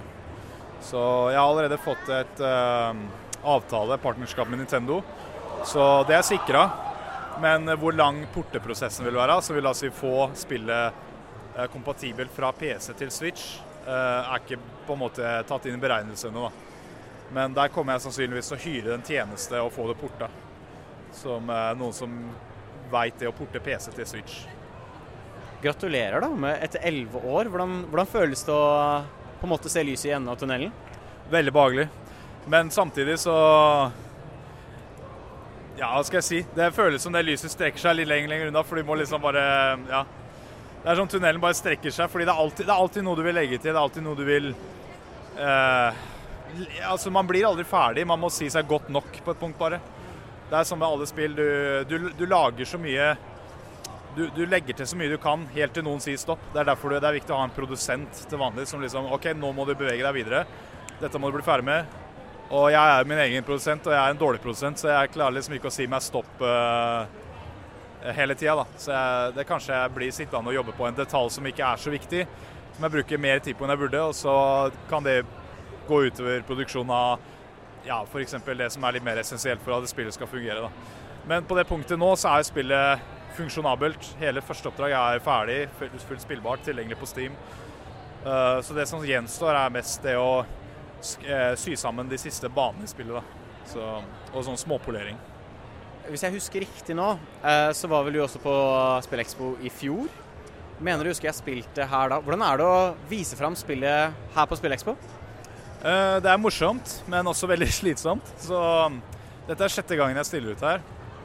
Så jeg har gjort det mange ganger nå. Og det går veldig på det samme. For meg så er det mer jobb enn nytelse. Så det er morsomt å gå rundt og kikke seg, men jeg har gjort dette så mange ganger at nå, nå kjenner jeg det inn og ut. Det, så, så skal jeg si, ja. Fristelsen er å ligge i sofaen hjemme og slappe av isteden, men eh, det er bare én gang i året, da, så det er liksom bare å uh, åle seg på beina. Stille ut, rett og slett. Ja. For de som da har lyst til å følge med og holde seg oppdatert på Rushhaug, hvor eh, kan du finne mer info? Eh, da går du inn på eh, Det er mange Altså sosiale medier. Søk opp Rushhaug på Instagram, på TikTok, på Ja, på Steam. Den ligger på Steam, så du kan se den der. Og så er det rushhaug.com, som jeg er veldig dårlig på å oppdatere. så det er utdaterte skjermbilder og sånn der. Men ja, sosiale medier generelt. Discord. min egen personlige Instagram. Jeg legger ut der òg, på mr.edvardsen. Tusen takk, så får du masse lykke til. Vi gleder oss til neste år. Tusen hjertelig takk. Godt å høre. Jeg syns det er så spennende. Det jeg liker så veldig godt med Tobias og uh, Rushhaug, er det at jeg føler du får et sånt annet syn. Fordi at vi har møtt utrolig mange kule folk som prater veldig mye om sånn 'Å, det har vært dritgøy, og vi har bare jobba, jobba, jobba'. eh».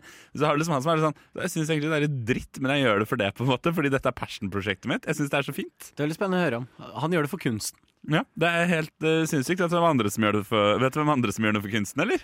Deg? Ja. Sander prøver å få Stian investert i e-sport. Jeg ønsker å quote Elon Ma på Instagram. My money. My money's gone. Ja, det er jo første runde fortsatt. 8-2 til eh, Gutta mine blir massakert. Det er fælt. Det er fælt. Men som jeg prøver å fortelle Stian, da, det er mye, det er mye spill igjen. Eh, nå, tenkte vi at jeg skal, nå tenker jeg at jeg skal ta Stian litt vekk herfra, før han begynner å pælme ting.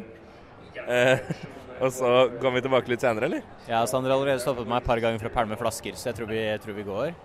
Men foreløpig, Stian, hvis vi skal ranke hvor godt funker prosjektet mitt om å få deg investert i e-sport Vil du ha fått pengene mine investert i e-sport? Det har du. Uh, jeg henger fortsatt litt etter. Det har vært litt intenst et par ganger. Det har vært gøy. Ja. Nei, vet du hva? Uh, jeg regner det midlertidig som suksess, og så ser vi hvordan det går etter hvert. Hei! Er du på leit etter et nytt radioprogram å høre på som handler spesifikt om spill? Ja! Så flott! Da anbefaler jeg Snålt snop og spill på Radio Nova. Har du hørt om de? Nei, det har jeg ikke! Så flott! De spilles hver andre lørdag i oddetallsukene fra 11 til 1 på Radio Nova. Så tøft! Det skal jeg sjekke ut. Så flott! Vi har jo nevnt tonnevis av folk eh, så Ja. langt, og flere folk skal vi høre på. Og jeg vil bare nevne, eh, du kan gå inn på Snålt snop og spill sin Instagram, eh, snalt snop og spill, og der ligger det et innlegg hvor vi har tagget absolutt alle vi har prata med. Så du vet hvordan jeg nå ba deg om å løpe og finne notatblokka? Ja. det hadde du ikke trengt å gjøre. Det er for så vidt ikke. Men uansett greit å notere inn alle disse Ja, ja, spillene. herregud. Eh, det, det, det, siste, det, det er faktisk det siste spillet vi skal gjennom i dag. Det yes. spillet her skal du pokker meg notere ned. Ja, fy søren. Eh, vi har jo vært litt vokale eh, i, i dette programmet om at vi er kanskje ikke de største fansene av rogelikes. Eh, det, ikke de største fansene er vel en underdrivelse. Ja, Men det fins enkelte unntak. Det har vi også lagt frem. Jeg liker en god rogelike med en kul, unik mechanic. For eksempel Synapse, som jeg har spilt ferdig nå. Kjempebra. Og eh, Brew, som jeg spilte i fjor, syns jeg er kjempekult. Hvor det er en rogelike, men eh, du driver og brygger potions. Så istedenfor at du hele tida plukker opp på en måte oppgraderinger som gjør deg kraftigere og kraftigere, og kraftigere, og kraftigere um, så kan du lage potions, så kan du gjøre deg kraftig en liten periode. Mm. Som jeg synes er en så kul game mechanic, og du får lyst til å på en måte gå på run på run på run for å prøve å eksperimentere med disse forskjellige potionene. Og nå har dere fått spilt det òg, du og Sofia. Hva, hva syns du, Sander? Eh, vet du, jeg føler det kommer veldig tydelig frem hva jeg synes, ikke minst hva jeg liker best med Brew i praten vår med Johannes fra Snowleaves, selskapet bak. Så hvorfor ikke bare gjøre det enkelt å høre på det, så slipper jeg gjenta meg selv. Så jeg heter Johannes, og jeg jobber i da Snowleaf Studios, som da utvikler Brew, som dere spilte nå. Så jeg er da programmereren, sånn lead programmer hvis man skal være veldig fancy, sånn én av to. Men, så det er meg. Og vi er et team som består av seks fulltidsansatte. I tillegg til det så har vi hatt flere interns, som de karakterene som dere kunne snakke med. Som har bl.a. blitt lagd av studenter som har jobba for oss eh, i fjor som interns. Så det har ja, vært en del hender på, på det her nå. Vi har jo nå fått uh, spille litt av uh, spillet deres Brew. Kan du fortelle litt om det? Jo, og takk for at dere spilte, det så veldig gøy ut. Så Brew er uh, et tredjepersons rogelight som er satt i en skolesetting hvor man studerer alkemi. Så på den skolen så er det eksamen dere var igjennom nå her, hvor dere må liksom gå igjennom det, et tårn som alltid er i endring, som man da må kjempe seg gjennom for å forberede seg på den virkelige verden. Og så I det spillet her så har vi en dualitet mellom all den actionfylte spenninga som dere var gjennom nå, og litt mer sånn uh, livesim-elementer hvor du kan bli kjent med andre karakterer, som f.eks. Stardew Valley og Animal Crossing og litt mer sånn den biten der. da. Så det er ikke med her i dag, men når spillet lanseres fullt, så har vi liksom den dualiteten der, da. Så det er vel kort oppsummert. Eh, Du nevnte jo her Stardew Valley og skape forhold mellom de forskjellige karakterene. Hvor eh, dypt eh, går den mekanikken? Kommer man til å kunne gifte seg med forskjellige karakterer, eller blir det mer som vennskapelig bånd? eh? Så vi har ikke helt uh, dratt strikken enda, men vi ser for oss litt mer sånn uh, high school romance-type ting. Hvor det er, det er ikke noe eksplisitt, det er mer uh, di ja, dialogen du får, da. Så du kan velge å romanse uh, visse NPC-er. Eller hvis du ikke vil romanse dem, så kan du liksom bli bestevenn for på en måte samme nivå av vennskap, på en måte, sånn når alt mekanikk Det er til mechanics og sånn i spillet, men ja, du kan ha sånn romansing, men ikke helt gifting, da. Det er litt mer sånn high school eh, sweethearts. Og så må vi jo snakke litt grann om denne art-stilen, og ikke minst denne hovedkarakteren som jeg nå offisielt har falt pladask for. Hvordan har arbeidet vært med å på en måte lande på den utrolig søte, men samtidig spennende art-stilen dere har gått for her? Jo, tusen takk for gode komplimenter. Eh, Det er rett og slett bare masse iterasjon. Så den karakteren dere ser i spillet her, matcher bl.a. ikke karakteren du ser på plakaten. Og vi har nylig bytta ut hovedkarakteren også. Og så samme som har skjedd med alle levelser og sånn, at vi har gått gjennom mye iterasjon og ja, det er rett mye trial and error, og så har vi da veldig flinke kunstnere som eh, tar seg av at det blir fint. Vi må jo også snakke om denne main gameplay-mekanikken, for det er jo ikke bare en roguelike, men du tar jo nå og samler opp ingredienser og lager potions ut av det. Kan ikke du utdype litt mer enn denne veldig spennende mekanikken? Jo, man kombinerer i hvert fall hvilke som helst to ingredienser for å lage en potion. Som man da enten drikker eller kaster for å bli sterkere eller spåne unike effekter. Så hele poenget der var litt at vi ville ha at liksom hele tiden så endrer man eh, power fantasyen i spillet. For sånn ofte tradisjonelt så har du gjerne at du har en sånn konstant power creep, men du bare blir sterkere og sterkere. Så vi ville ha den potion-mekanikken til å ha midlertidig power creep, så du kunne bli på en måte ekstra sterk en viss periode uten at det ødelegger helt balansen i spillet ellers. I tillegg til at er, ja, vi syns det er kult å eksperimentere med å bare crafte og finne ut av ting og sånn. Men uh, igjen, det er en ganske unik mekanikk, spesielt med det å velge flere ting i en sånn radial menu og sånn, som vi har hatt en del problemer med når det kommer til brukeropplevelsen av det, som rett og slett UX. Så den kommer nok til å få seg en ganske god eh, overhaling nå i tiden fremover. Så den, eh, det har stått på lista en stund, så akkurat det. Og så stiller dere ut her på uh, Spillekspo. Folk får lov til å sette seg ned og prøve spillet deres. Hvilken rolle spiller på en måte det for dere i videre utvikling? Um, og så kan vi egentlig gå litt tilbake i tid, fordi Spillekspo er vel egentlig grunnen til at vi Eller i hvert fall én av de viktigere grunnene til at vi etablerte studio. For første gang vi var her med Brew på Spillekspo, som for da to år siden Så det her er tredje Spillekspo vi deltar med Blue. Da var vi fortsatt studenter. Da var det her bacheloroppgaven vår. Og så fikk vi god respons, og også folk som likte spillet, og kom og hjalp oss da med å etablere et studio, skaffe finansiering og sånn. Så det har vært kjempeviktig. Nå, i dag, så er det mer Ja, det er spilltesting. eh, Så nå er det litt mer bare gøy å være her, egentlig. Vi får mye verdifulle tilbakemeldinger, finner bugs vi ikke visste om og alt sånn. Men hovedsakelig nå er det liksom, ja, vise fram spillet og bare få testa og se hvordan folk rett og slett interacter med spillet. da. Jeg var jo her og spilte Brew eh, i fjor, og det er utrolig gøy å se hvor mye det har endra seg på på en måte bare ett år. Eh, hvor nærme føler dere at dere er eh, release date? Tør dere se mot det mot framtida? Altså nå bare disclaimer med at uh, ingenting offisielt, selv om vi er offisielle. Så nei, vi ser for oss uh, Vi har lyst til å lansere sånn Q1, Q2 2025, så halvannet år fra nå, da. Uh, men om vi gjør det, kommer veldig an på liksom, finansiering. Så klarer vi å få nok penger til å gå hele veien. Får vi mer penger, kan ta det enda lenger. Eh, ja, det er ganske mange spørsmål som må svares der, men drømmen er å i hvert fall få det ut rundt Q1, Q2 2025. Hvilke plattformer ser dere mot å gi det ut på? Vi har jo prøvd dette med Xbox-kontroller, men det, blir jo, det runner jo på PC. Det er Steam og Epic GameStore Game Store som er nå garantert. Eh, Og så er det Vi har veldig lyst til å porte det til alle konsoller også.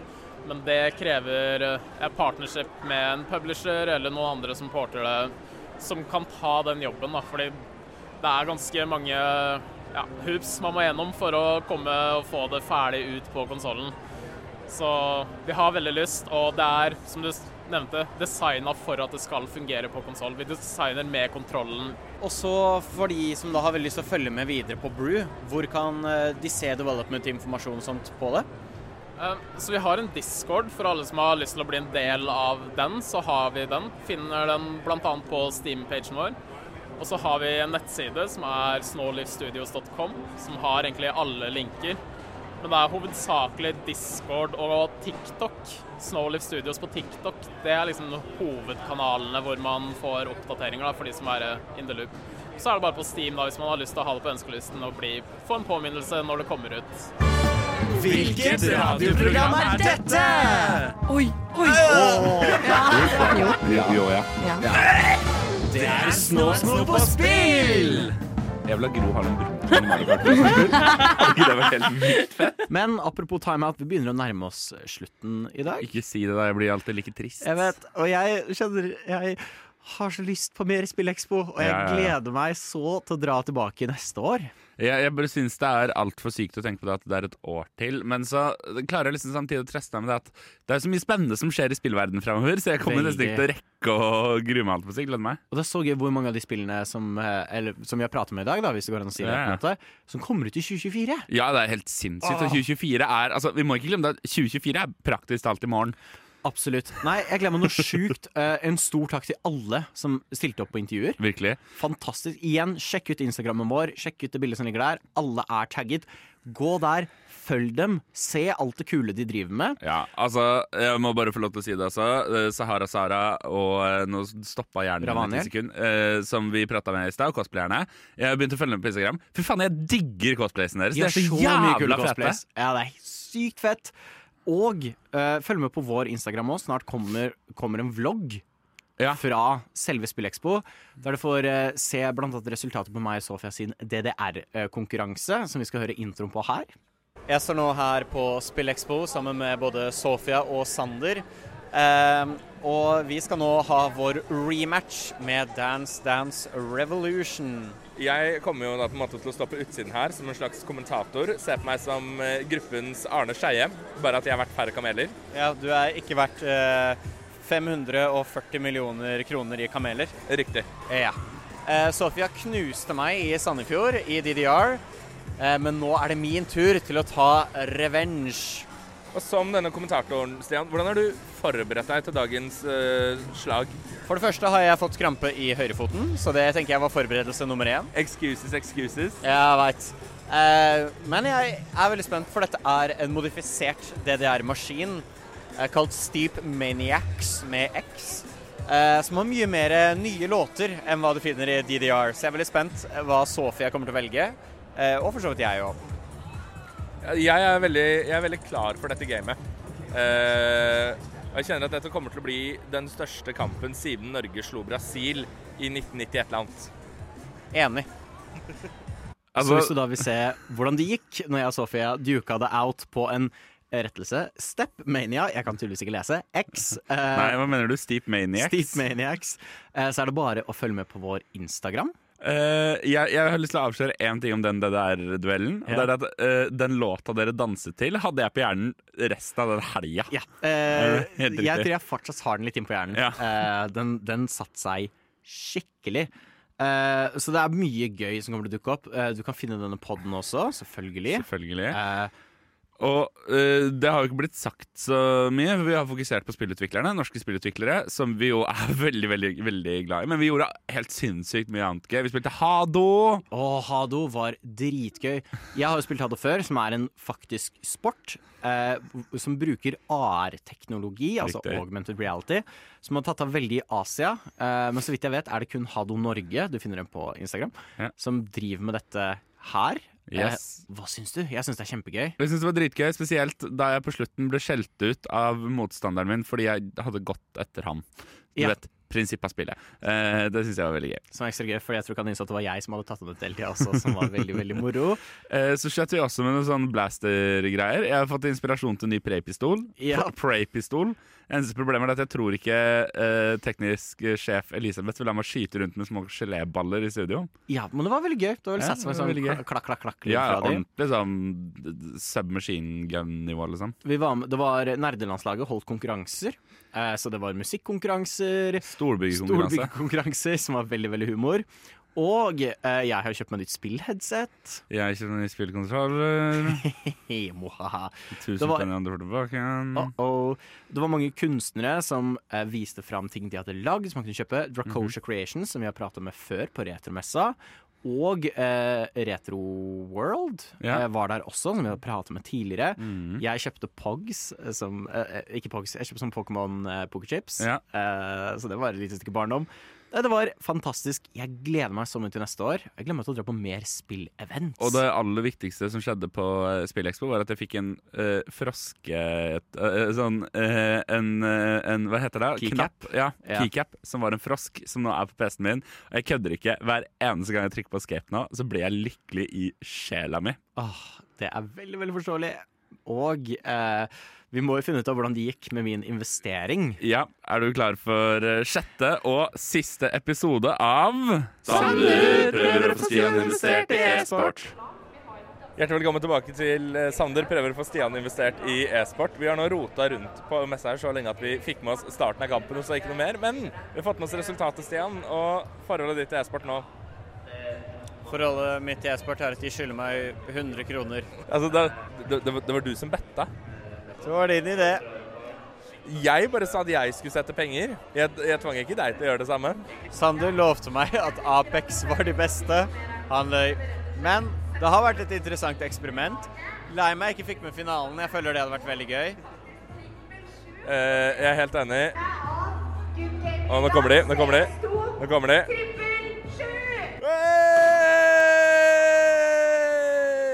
Hei, hei, hei, hei, hei, hei. Ho, ho, ho. Hva er din kommentar til dette? Eh, hvis noen har 100 kroner, tar jeg de gledelig imot. Du kan vippse meg på 41505. Unnskyld, hvilken uke er det? Eh, vet ikke. Vet du hvilken uke det er? Eh, jeg har ikke peiling. Sorry, men jeg må faktisk vite hvilken uke det er. Det er oddetallsuke. Shit! Da må jeg jo høre på Snålt snop og spill annenhver lørdag alle oddetallsuker fra 11 til 1 på Radio Nova. Skal vi prøve å oppsummere SpillExpo, Stian? Ja, OK, vil du begynne? Jeg vil uh, begynne. begynne. Uh, store mengder penger rett ut av konto. Ja.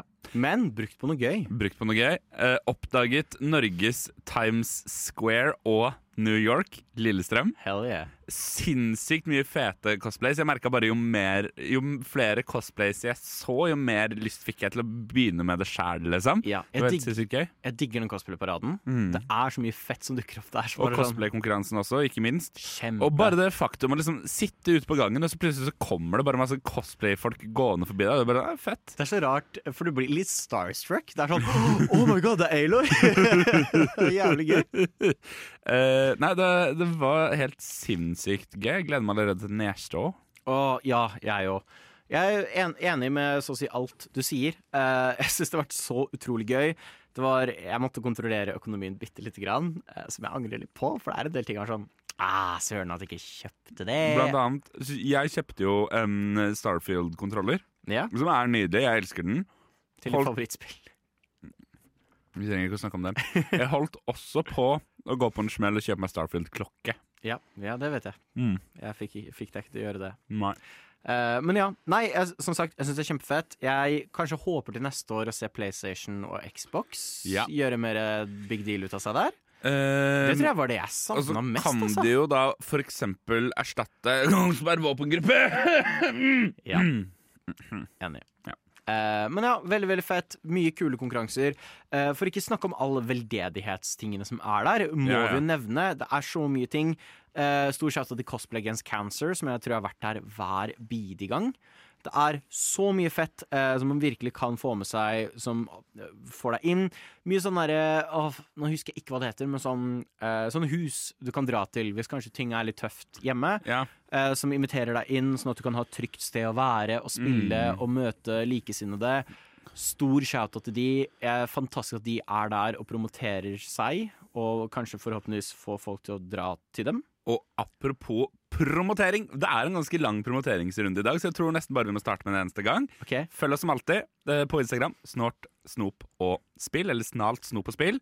Eh, så skjer det ganske mye nå kommende ukene.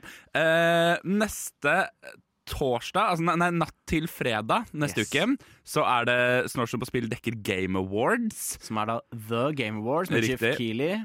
Eh, følg oss på Instagram for å få vite tidspunktene. Neste fredag, Stian, skal du og jeg bevege oss ut fra hobbyrommet og inn på kjøkkenet. Yes. Uh, og dukke opp hos et annet uh, Radionova-program, nemlig Umami. Vi skal være med hos Umami, der vi skal lage litt mat fra spill. Mm. Eh, og så er det da den 13. desember, selveste Loshire Dane, så er det Snort Snop og Spills Game Awards.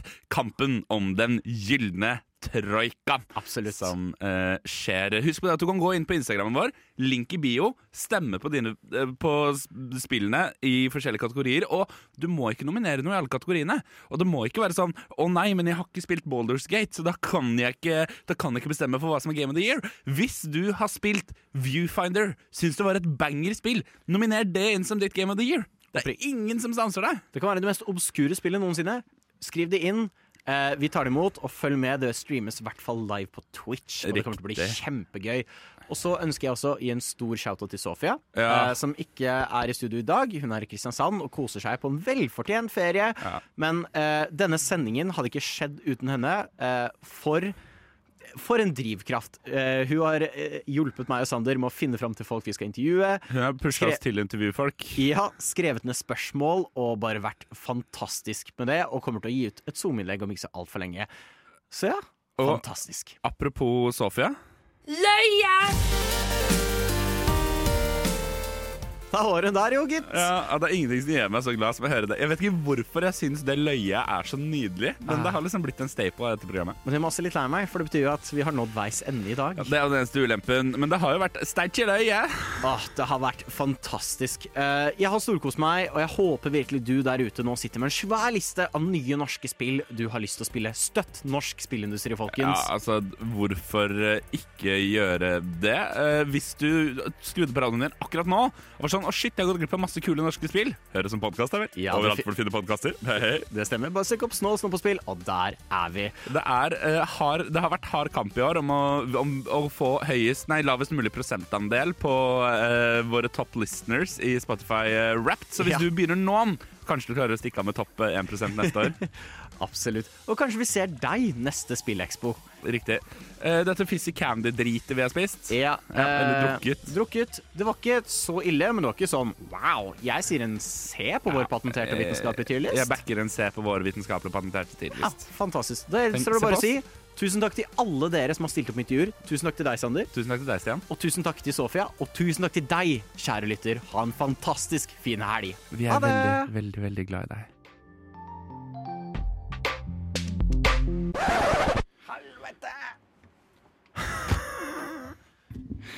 S- Slo du deg, kjekken? Ja, jeg fikk kjerringstøt. Åh, kjerringstøt er ikke noe gøy. Hjertelig velkommen rundt uh, podden. Uh, det er jo, dette er jo det nydeligste. Dette er jo, altså, jeg syns jo Ja, vi sender i to timer. Dette er min favorittdel. Dette er din favorittdel. Mm. Ja, ikke sant? Mm. Mm. Så du Um, venter på en beat du nå, eller? Ja. Du, vet du hva? Kan vi, kan vi ikke ta en sånn Stian har finansielle problemer etter han putta penga sine på e-sport. Uh, Men du har jo gjort litt narr av meg i dag, fordi jeg sitter og leser en bok om norsk hiphop sånn mens vi har hørt uh, innslagene her. Så kan ikke du gi meg en beat, så skal jeg rappe en podutro? Jeg, nei. Oppriktig kan jeg ikke. Nei, det var veldig bra at du redda oss ut av dette, for dette hadde blitt stygt. Det hadde blitt veldig stygt. Ja. Jeg har lest en eh, bok om norsk hiphop-historie. Kan ikke du bare disgrace den live, Stian? Nei, Du skal først slippe å rappe, da. Du har hørt på en podkast av Snolt, Snop og Spill.